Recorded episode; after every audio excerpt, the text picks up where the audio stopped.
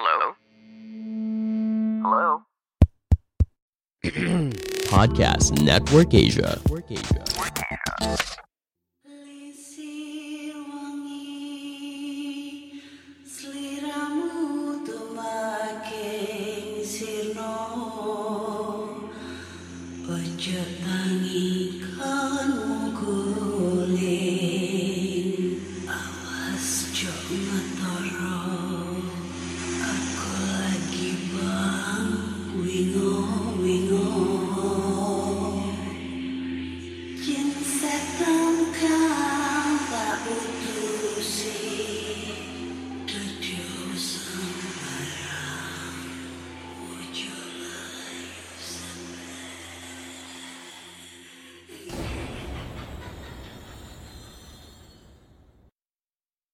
Hai Re, iya apa kabar Ketemu lagi dengan aku si Ana di podcast kisah horor.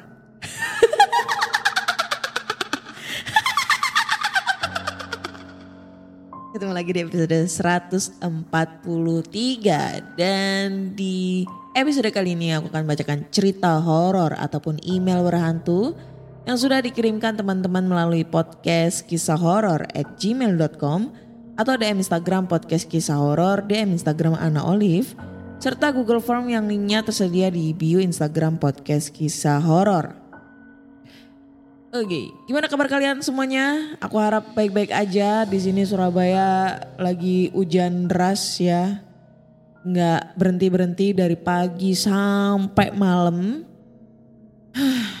ya mau gimana lagi cuaca yang tidak begitu kondusif ini membuat banyak banget yang terserang penyakit termasuk saya batuk-batuk dan flu. Sampai sekarang juga masih bindeng kalau ngomong.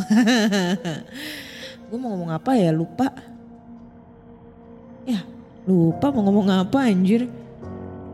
Se- apa udah kehabisan ide nih untuk apa namanya eh, memberikan suatu opening buat kalian ya bingung mau bikin opening yang terlalu bertele-tele atau mungkin mau bikin opening yang say juga ya kan? Aduh pusing. Oke daripada kita pusing-pusing nih ya langsung aja kita bacain cerita horor nih dari pendengar podcast kisah horor. Dan cerita pertama ini datang dari email. Nih langsung aja kita bacain. Judulnya adalah pengalaman horor di tempat kerja. Halo Kak Ana, mumpung aku masuk shift sore, siang ini aku nulis-nulis cerita horor dulu. Di rumah juga lagi sendirian nih. Kejadian ini sekitar bulan Oktober 2015. Aku saat itu kerja di minimarket di daerah Jombor. Orang Jogja pasti tahu deh, di CK. Saat itu malam Jumat, aku masuk malam. Awal aku berangkat tok, awal aku berangkat toko masih rame. Banyak yang nongkrong dan wifi-an. Makin malam makin sepi. Sekitar jam satu pagi tinggal tiga orang yang duduk di depan sambil ngopi dan ngerokok. Lampu depan udah dimatiin, soalnya peraturan perusahaannya emang harus matiin lampu depan kalau udah jam 1. Aku lihat parkiran gelap dan cuma ada motor aku sama motor temen aku dan satu mobil milik orang di depan. Sesekali ada motor dan mobil melewati jalan raya depan toko. Saat itu aku lumayan lelah banget. Aku main-main HP, buka Facebook. Lalu temen aku pamit, boker bentar dan aku menyuruhnya gak lama-lama. Saat temen aku udah masuk WC, aku langsung duduk di lantai di bawah kompi admin. Maklum lagi lelah. Saat lagi buka-buka Facebook, tiba-tiba aku dengar suara ledakan keras banget. Kayak ledakan bom. Almari besi di belakang aku langsung bergetar hebat dan pintu kaca juga ikut getar. Aku langsung berdiri dan melihat luar tiga orang yang di depan tadi langsung lari ke arah jalan raya untuk melihat apa yang sebenarnya terjadi. Aku niatnya pengen ikut keluar, tapi aku gak bisa ninggalin toko gitu aja dan juga malu sama orang yang di depan. Hehehe. Semenit kemudian tiga orang itu pergi naik mobil. Aku langsung keluar toko melihat apa yang terjadi. Eh, gak ada apa-apa kak. Gak ada yang heboh juga. Saat aku mau balik ke toko, aku dengar suara anjing melolong terus menerus tiada henti dari belakang rumah di seberang jalan. Suaranya keras banget. Aku cuek aja. Tapi lama-kelamaan suara itu berubah menjadi teriakan manusia, Kak. Awalnya suaranya au berubah jadi wah. Seperti orang kesakitan. Namun lama-kelamaan suara itu meredup dan gak keras seperti awal tadi. Di situ aku mulai merinding dan lemes. Saat aku berjalan kembali ke toko, aku lihat bayangan hitam besar sedang berdiri di depan rak roti. Jelas banget pokoknya. Aku hentikan langkah dan nahan nafas sejenak. Aku langsung teringat foto yang diberikan oleh teman kerja aku beberapa hari lalu. Foto penampakan kuntilanak penuh darah. Dan sialnya, aku berhentinya tepat di dekat foto penampakan itu diambil. Aku nengok ke arah kemunculan kuntilanak. Untung aja nggak ada apa-apa. Foto penampakan itu sudah dihapus karena privasi dan mengganggu kenyamanan bersama. Lalu aku kembali mengarahkan pandangan ke sosok hitam tadi. Tiba-tiba, sosok hitam itu langsung melesat masuk ke dalam tembok dan hilang. Anjir, aku bingung harus ngapain. Dengan tekad yang kuat, aku lari ngibrit masuk ke toko dan langsung jongkok di bawah kompi admin. Perasaan masih campur aduk gak karuan. Jantung dak dikduk kenceng pol. Pintu kamar mandi kebuka. Aku kaget banget. Untung temen aku yang keluar. Aku langsung manggil dia dan aku cerita semua tadi dari awal sampai aku jongkok di sini sekarang. Ternyata temen aku nggak dengar suara ledakan tadi.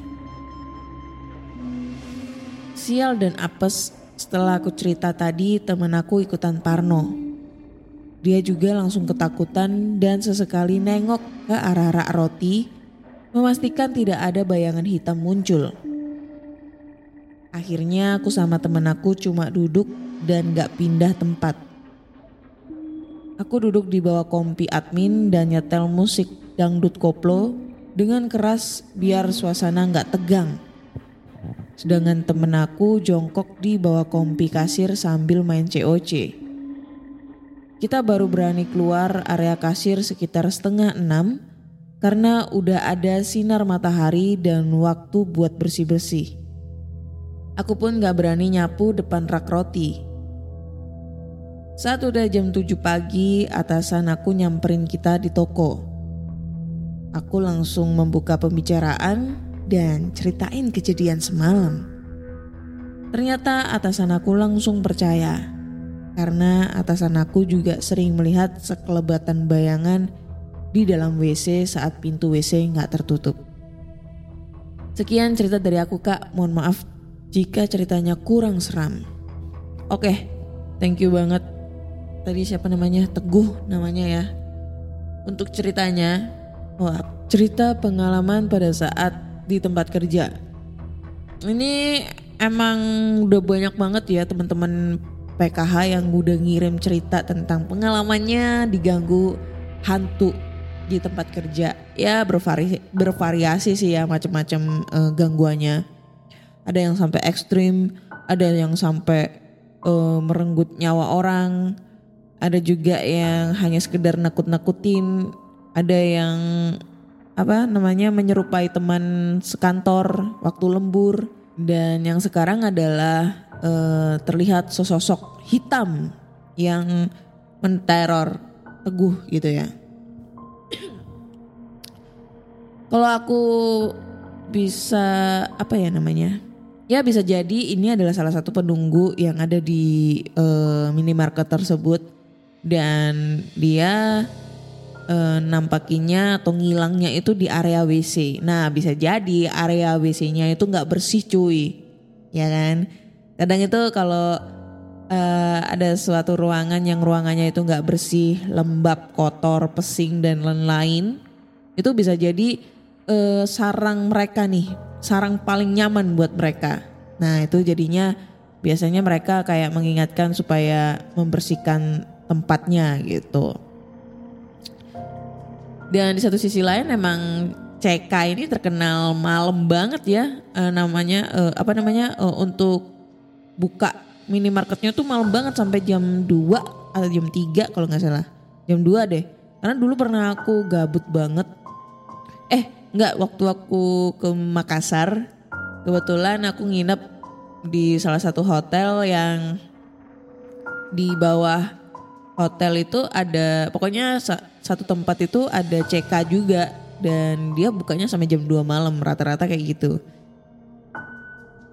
Eh, pengunjungnya juga nggak begitu banyak sih, sepi, terbilang sepi juga, lebih ramean Indo April sama Alpha Mobile Legend ya. Alpha Mobile Legend lagi. Ya itulah pokoknya. Makanya kebanyakan itu makanan-makanan yang ada di CK itu lebih mahal dibandingkan di Indo April ataupun Alpha Mob- Mobile Legend gitu. Jadinya sepi nih pengunjungnya. Tapi kadang kalau misalnya dibuat tengah malam nongkrong itu enak banget di situ. Nah itu bisa jadi kayak ya namanya juga aktivitas malam ya. Makhluk halus itu eh, aktivitasnya itu mulai dari jam 12 sampai jam 3 malam gitu. Jadi ya rawan-rawannya terjadi suatu sekelebatan-sekelebatan bayangan. Terus kalau ledakan mungkin ya karena emang di Jogja aku juga orang Jogja dan kebetulan ada saudaraku yang rumahnya di daerah deket terminal Jombor sana.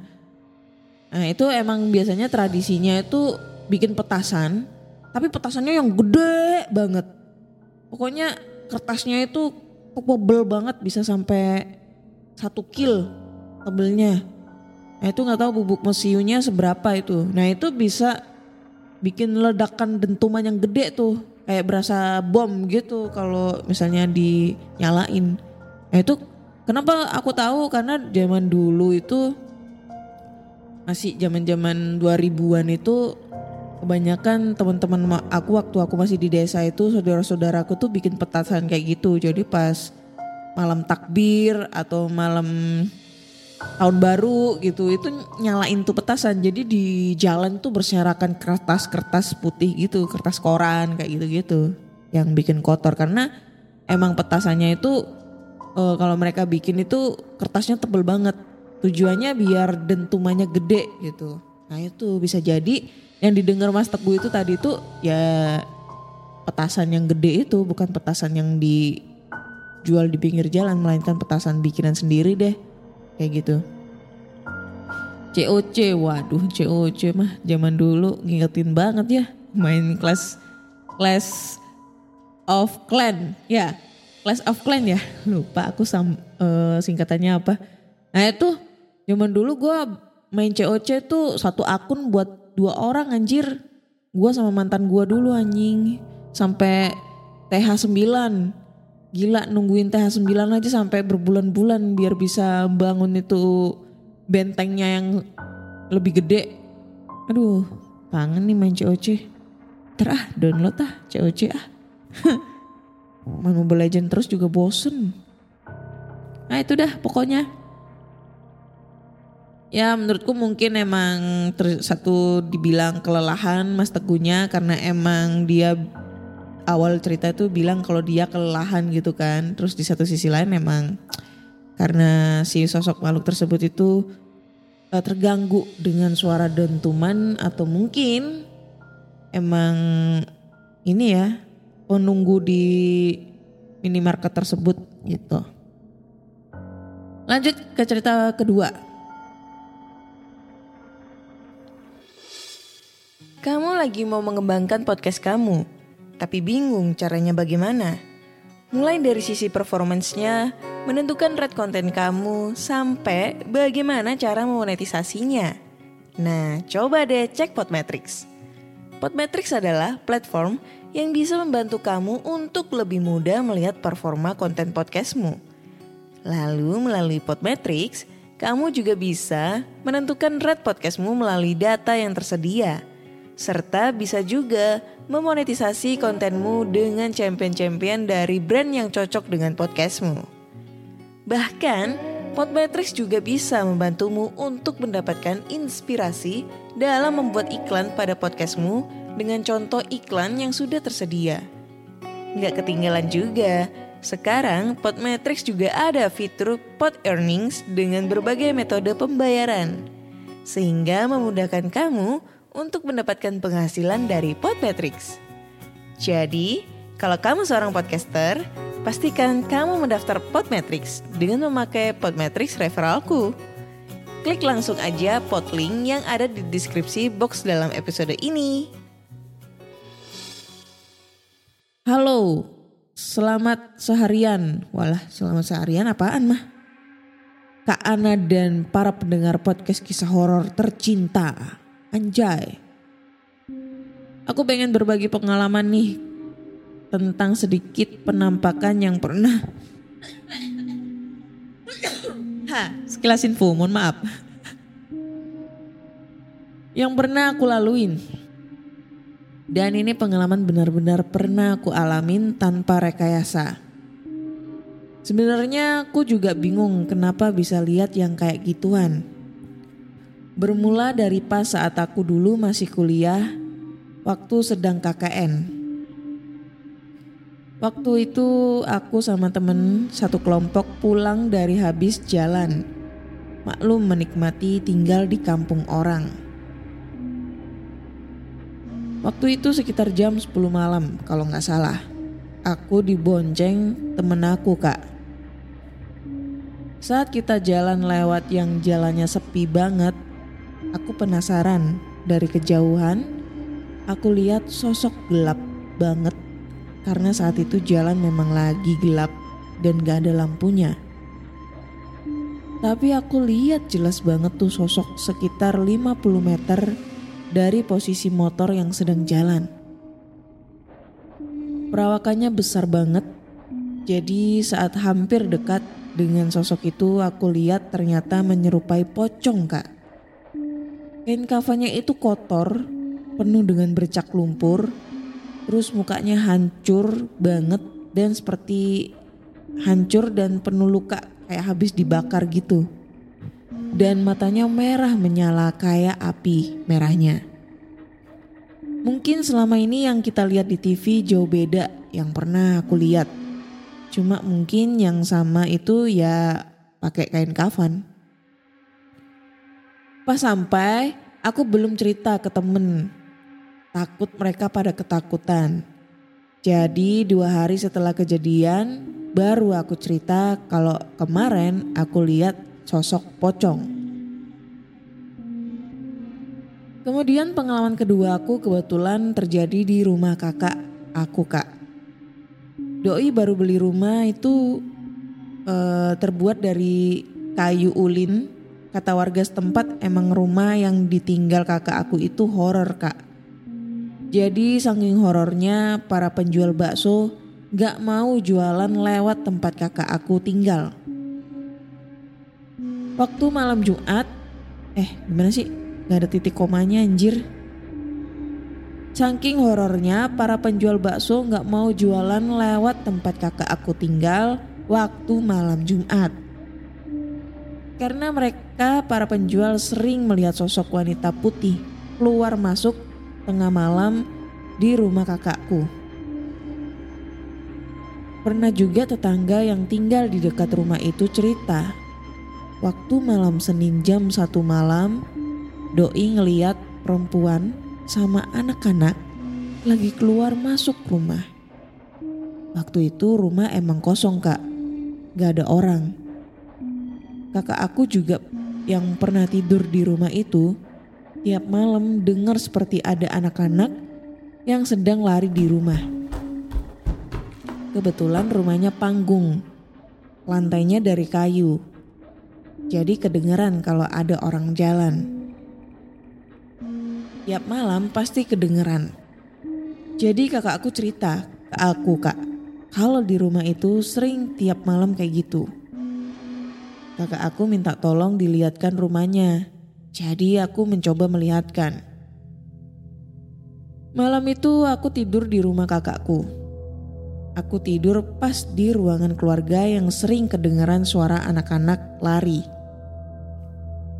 Niat aku kalau dapat izin dari Tuhan, pengen kasih tahu ke penghuni yang sebelumnya emang sudah ada di rumah itu.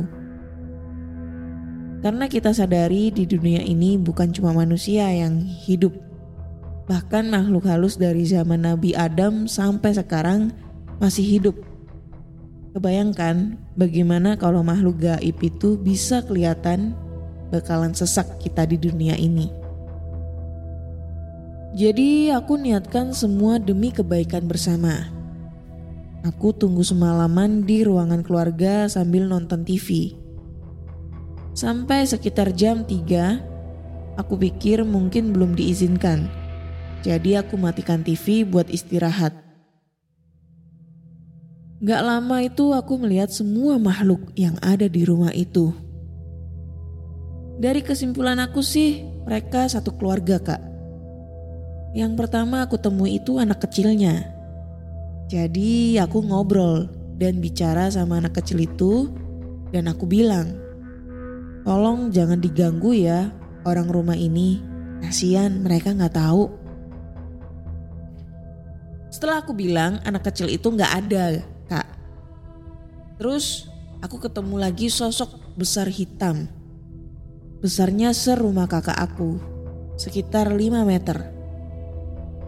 Kalau nggak salah soalnya makhluknya bungkuk di rumah itu. Kalau berdiri nggak bakalan kelihatan rupanya. Jadi aku lihat tuh perawakannya besar hitam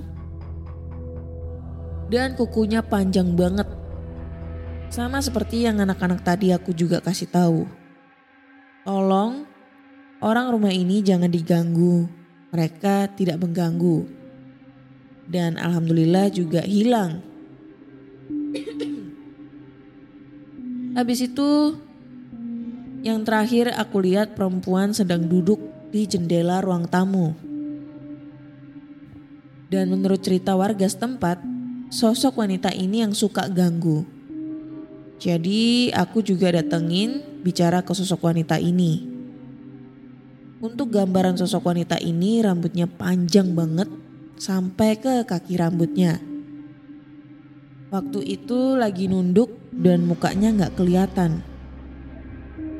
Aku bilang lagi sama seperti yang sebelumnya. Tolong jangan diganggu orang rumah ini. Kali ini Doi gak langsung pergi dan Doi marah. Bersuara seperti orang yang gak terima. Terus Doi langsung melotot ke aku, matanya merah menyala kayak api sambil mimik mukanya marah. Kemudian aku bilang, kalau kamu melawan nanti kamu sendiri yang binasa. Terus dengan keyakinan yang aku miliki, alhamdulillah sosok wanita itu hilang kak. Besoknya aku kasih tahu kakak aku. Aku bilang kalau di rumahnya ada sekeluarga yang tinggal. Terus doi bilang bisa nggak dipindahkan mereka? Aku bilang jangan dipindahkan karena mereka itu sudah lama tinggal di sana. Cuma mereka sudah nggak ganggu lagi. Sekian dari cerita aku. Semoga menjadi pelajaran bagi kita semua bahwa makhluk yang ada di, di dunia ini bukan cuma manusia aja. Makhluk yang tak terlihat pun banyak. Oke. Ini cerita dari siapa sih? Gak ada namanya. Oke oke oke ceritanya udah habis. Ini menurutku ceritanya lumayan ya. Cuma aduh minta tolong dong yang kirim cerita itu harus diperhatikan titik komanya ya. Ini bukan gue bukan menghujat, gue bukan kayak apa ya nanti gue dihujat lagi nanti aduh. Enggak sih sebenarnya karena jujur aku kalau terima cerita ini udah sering banget nih aku ngomongin ya. Kalau aku terima cerita di email aku jarang buka dulu, aku jarang review dulu. Jadi apa yang sudah dikirim ya pada saat aku tag podcast untuk episode terbaru ya aku langsung bacain. Kenapa seperti itu? Biar kalau pas waktu aku ngeba- ngebacain cerita dari kalian itu feelnya dapat banget gitu loh, horornya dapat banget. Jadi aku bisa komentar nih, ini ceritanya halu atau mungkin ceritanya eh, nggak serem atau ceritanya serem. Nah itu gue bisa mengutarain dari lubuk hati aku yang paling dalam nih.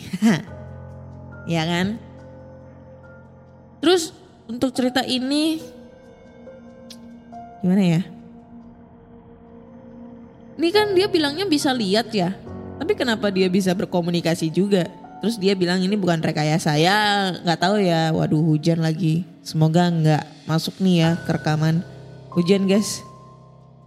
Ini gue nggak tahu dia beneran atau enggak, gue nggak tahu. Wallahu alam ya. Dia bilangnya nggak rekayasa nih. Tapi yang jadi nggak seru nih ceritanya karena aku pikir waktu saat dia ngo ketemu sama sosok-sosok tersebut itu bakal ada baku hantam adu ilmu kek atau mungkin kesurupan kek atau mungkin sesi bentak-bentak dulu kayak eh kating-kating gitu yang lagi ngospek eh adik-adiknya gitu atau kayak gimana deh. Ya dalam otakku tuh yang aku pikirkan kayak gitu, tapi ternyata cuma kamu jangan ganggu ya. Orang rumah di sini nggak ganggu kamu. Dan tiba-tiba ngilang. Terus sosok yang gede gitu, gede banget. Dibilang kamu jangan ganggu ya. Orang di sini nggak bakalan ganggu, ngilang. Dan terakhir sosok kuntilanak nggak ngilang cuy. Dia malah marah, tapi endingnya ngilang. Nah, yang dalam otakku mungkin pada saat si kuntilanaknya ini nggak terima, wah ngatur lo anjing banget ngatur-ngatur terus terjadi baku hantam kayak apa segala macam. Nah itulah terjadilah pertempuran, tapi endingnya ngilang juga. Ini ilmunya terlalu sakti kali ya. tapi terlepas itu kalau gua ya jujur ya jujur dul paling apa ya eh, komenan aku yang paling dalam aku belum percaya sama cerita. Maksudnya segampang gitu kah gitu untuk ngasih tahu bahwa jangan ganggu. Padahal kalau aku lihat ustadz-ustadz yang sebenarnya real ya real real. Ini aku pernah lihat tuh ada ustadz yang ngusir ngusir hantu di rumah temen. Ini real banget dimasukin dalam botol. Itu harus butuh pertempuran juga cuy. Membutuhkan energi yang sangat banyak gitu sampai ngos-ngosan lari ke sana lari ke sini gitu kan eh, si setannya. Karena emang katanya itu penghuninya banyak di satu sisi penghuninya banyak itu kan penghuninya kiriman-kiriman semua itu rata-rata eh, kiriman dari orang-orang jahat lah katanya kayak gitu. Nah itu energinya gede-gede. Jadi mau nggak mau pak ustadznya itu eh, harus punya energi yang sangat kuat juga. Jadi wah ada tinju-tinjuan kayak apa segala macam gitu. Terus ada sesi kesurupannya gitu kan. Nah ini kan nggak ada. Ya bisa jadi percaya nggak percaya kalau aku sih masih kurang percaya ya. Tapi nggak tahu ya untuk kalian semua kalian bisa langsung komen aja. Gue nggak mau dihujat lagi cuy. Nggak apa-apa hujatan adalah salah satu motivasi aku untuk menjauh eh, untuk jadi lebih jauh lebih baik lagi. Tapi kalau aku sih bilangnya ya emang nggak serem. Dan juga kayaknya eh, ini rekayasa anjir. Bukan beneran kayak gitu. Oke, lanjut ke cerita terakhir ya nih ya. Cerita terakhir nih dari pendengar podcast kisah horor. Judulnya adalah KKN horor. Woi. Ini kayaknya seru nih KKN ini ya. KKN itu waduh mem- mempunyai sejuta cerita horor nih di desa-desa tertentu. Assalamualaikum Kak Ana. Waalaikumsalam. Ini pertama kali aku nulis nih Kak. Dan ini pertama kalinya aku kirim cerita di podcast kisah horor. Jadi aku adalah penggemar baru kakak. Mohon jangan disebutkan nama aku ya kak. Kali ini aku mau ceritain beberapa kejadian janggal pas aku KKN di desa Kalong Liut, Bogor.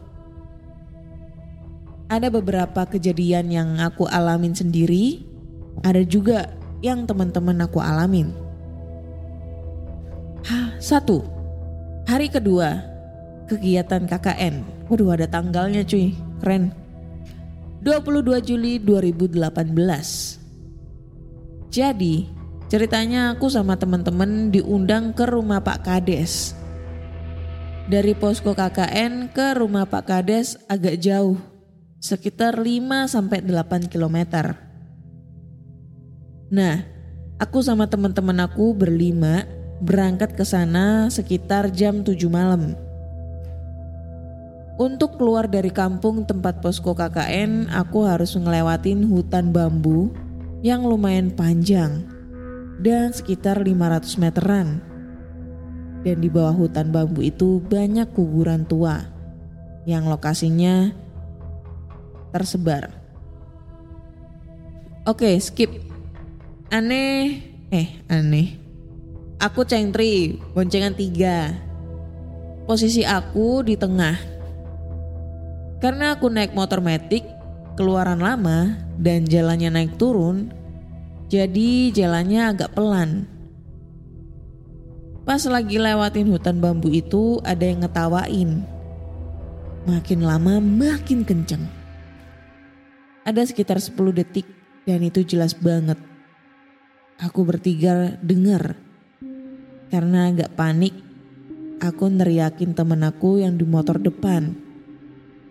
Eh, lu denger suara ketawa kagak? Temen aku yang di motor depan gak denger, padahal jaraknya gak jauh, cuma 10 meteran dari motorku. Alhasil tancap gas dan ngebut buru-buru. Pas sampai di rumah Pak Kades, kita cerita. Kalau orang baru pasti digodain. Banyak macemnya katanya. Ada Mr. P, Kuda Berem, Miss K, dan lain-lain.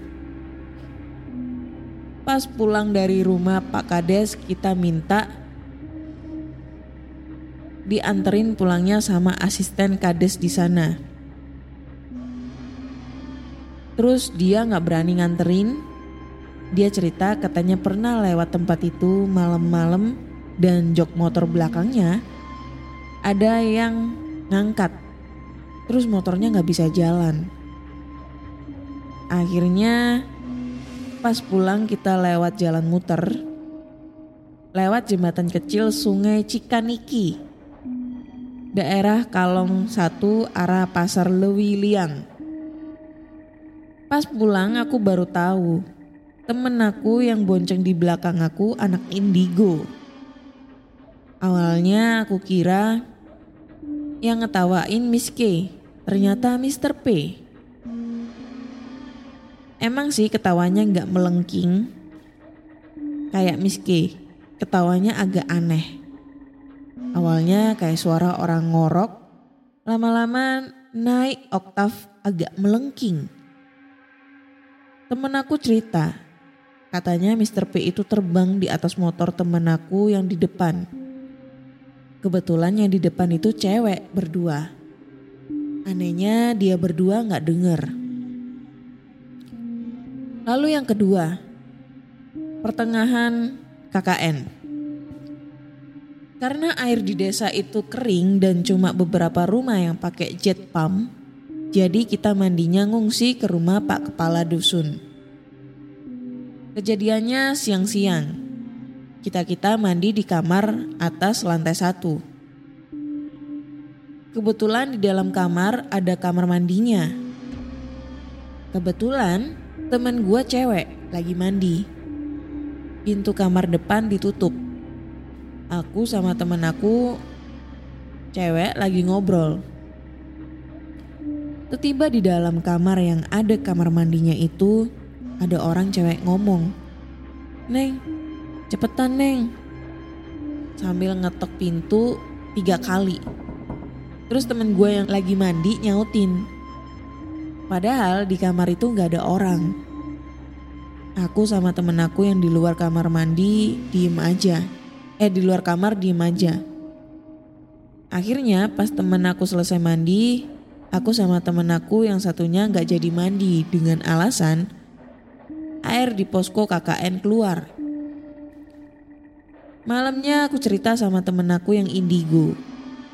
Kata temen aku itu Miss K dari pohon pisang sebelah rumah Pak Kepala Dusun. Dia pernah berkomunikasi sama temen aku. Katanya kita-kita jangan berisik kalau di sana. Ya maklum, gak ada hiburan kita suka ketawa-ketawa sama nyanyi-nyanyi. Segitu dulu kak, masih banyak sih yang aku mau ceritain. Mulai dari penampakan Mr. P di lapangan teman aku yang ditindihin Miss K. Teman aku yang disukain sama Miss K, teman aku yang disukain sama Miss K juga. Pokoknya banyak deh yang disukain sama Miss K. Next time aku bakal kirim cerita lagi. Thank you Kak Ana. Sukses terus buat podcast kisah horor. Oke, thank you banget nih buat ceritanya nih. Lumayan serem ya untuk yang ending ceritanya nih. Pengalaman pada saat KKN. Aku waktu dulu tuh nggak pernah KKN anjir. Jujur ya dulu kak waktu aku kan aku kuliah tuh kan nyabang pelayaran sama kuliah umum. Nah pas waktu kuliah umum itu aku nggak ikut KKN. Ya bayar lah karena pada saat itu barengan gue praktek layar gitu setahun. Jadi nggak ikutan KKN. Jadi nggak bisa ngerasain tuh suasana horornya KKN di lokasi terpencil atau perdesaan itu kayak gimana. Ini di, uh, lumayan ya, banyak banget nih cerita-cerita tentang KKN. Ya, kita belum tahu ya uh, asal muasal ini hantu dari mana. Tapi kalau aku bisa tebak sih ini mungkin dari hutan bambu karena di hutan bambu itu di bawahnya ada makam-makam keramat yang tersebar di mana-mana. Tahu lah ya, kalau makam keramat itu pasti banyak orang yang suka. Ya pokoknya ngejampi-jampi di sana lah buat meditasi kek atau mungkin buat nyari nomor kek atau mungkin buat nyari ilmu atau lain-lain lah. Jadi bisa dikatakan makam keramat kayak gitu ya dan itu bisa jadi menimbulkan jin-jin yang ada di sekitar situ di sekitar sana itu menyerupai sosok yang dikeramatkan itu sehingga mereka mempunyai kesempatan untuk ganggu-ganggu manusia yang ada di sekitar situ terutama orang baru nih katanya Pak Kades kan uh, biasanya kalau orang baru itu sering banget diganggunya. Nah itu bisa jadi uh, teman-teman yang lagi KKN itu tersebut itu diganggu. Dan kebetulan salah satu temennya itu ada yang indie home. Jadinya dia bisa ngelihat segala macam aktivitas makhluk halus pada saat mereka KKN gila. Seumur umur gue nggak pernah punya temen yang indigo atau atau bisa dibilang six sense ya. Gue nggak pernah. Kalau ngaku-ngaku six sense banyak ngaku ah di sana ada sosok pocong di sana ada sosok kuntilanak. Sebenarnya sih nggak ada. Mereka ngaku-ngaku aja biar ya caper gitulah biar dapat perhatian orang lain gitu. Gue bisa sih sebenarnya kayak gitu tapi ya nggak ada manfaatnya. Kayak gitu. Keren, keren, keren nih cerita terakhir nih, keren banget. Oke, kayaknya cukup sekian dulu cerita di episode 143 ini. Uh, ada tiga cerita yang udah aku bacain dan menurut aku yang paling lumayan serem nih cerita terakhir ya tentang KKN. So buat teman-teman semua nih, kalau kalian punya cerita horor tentang pengalaman kalian pada saat pada saat KKN, buruan kirim ceritanya ke podcast kisah horor at gmail.com atau DM Instagram Podcast Kisah Horor, DM Instagram Ana Olive serta Google Form yang linknya tersedia di bio Instagram Podcast Kisah Horor. Jangan lupa follow podcast kisah horor di Spotify, Google Podcast, Apple Podcast, atau di Noise. Karena di Noise sekarang podcast kisah horor udah bisa didengerin dan bisa dikomen tuh eh setiap episodenya komen-komenan pedas gitu. Jangan lupa juga eh, follow Instagramnya podcast kisah horor ya horor ya susah banget ngomong horor karena sekarang di malam hari ini jam 12 lewat 43 menit dini hari udah mulai hujan deras dan membuat tubuhku kedinginan. Kayaknya aku akhirin dulu untuk episode eh, episode 143 ini. Nantikan cerita-cerita horor yang lebih horor lagi di episode berikutnya. See you.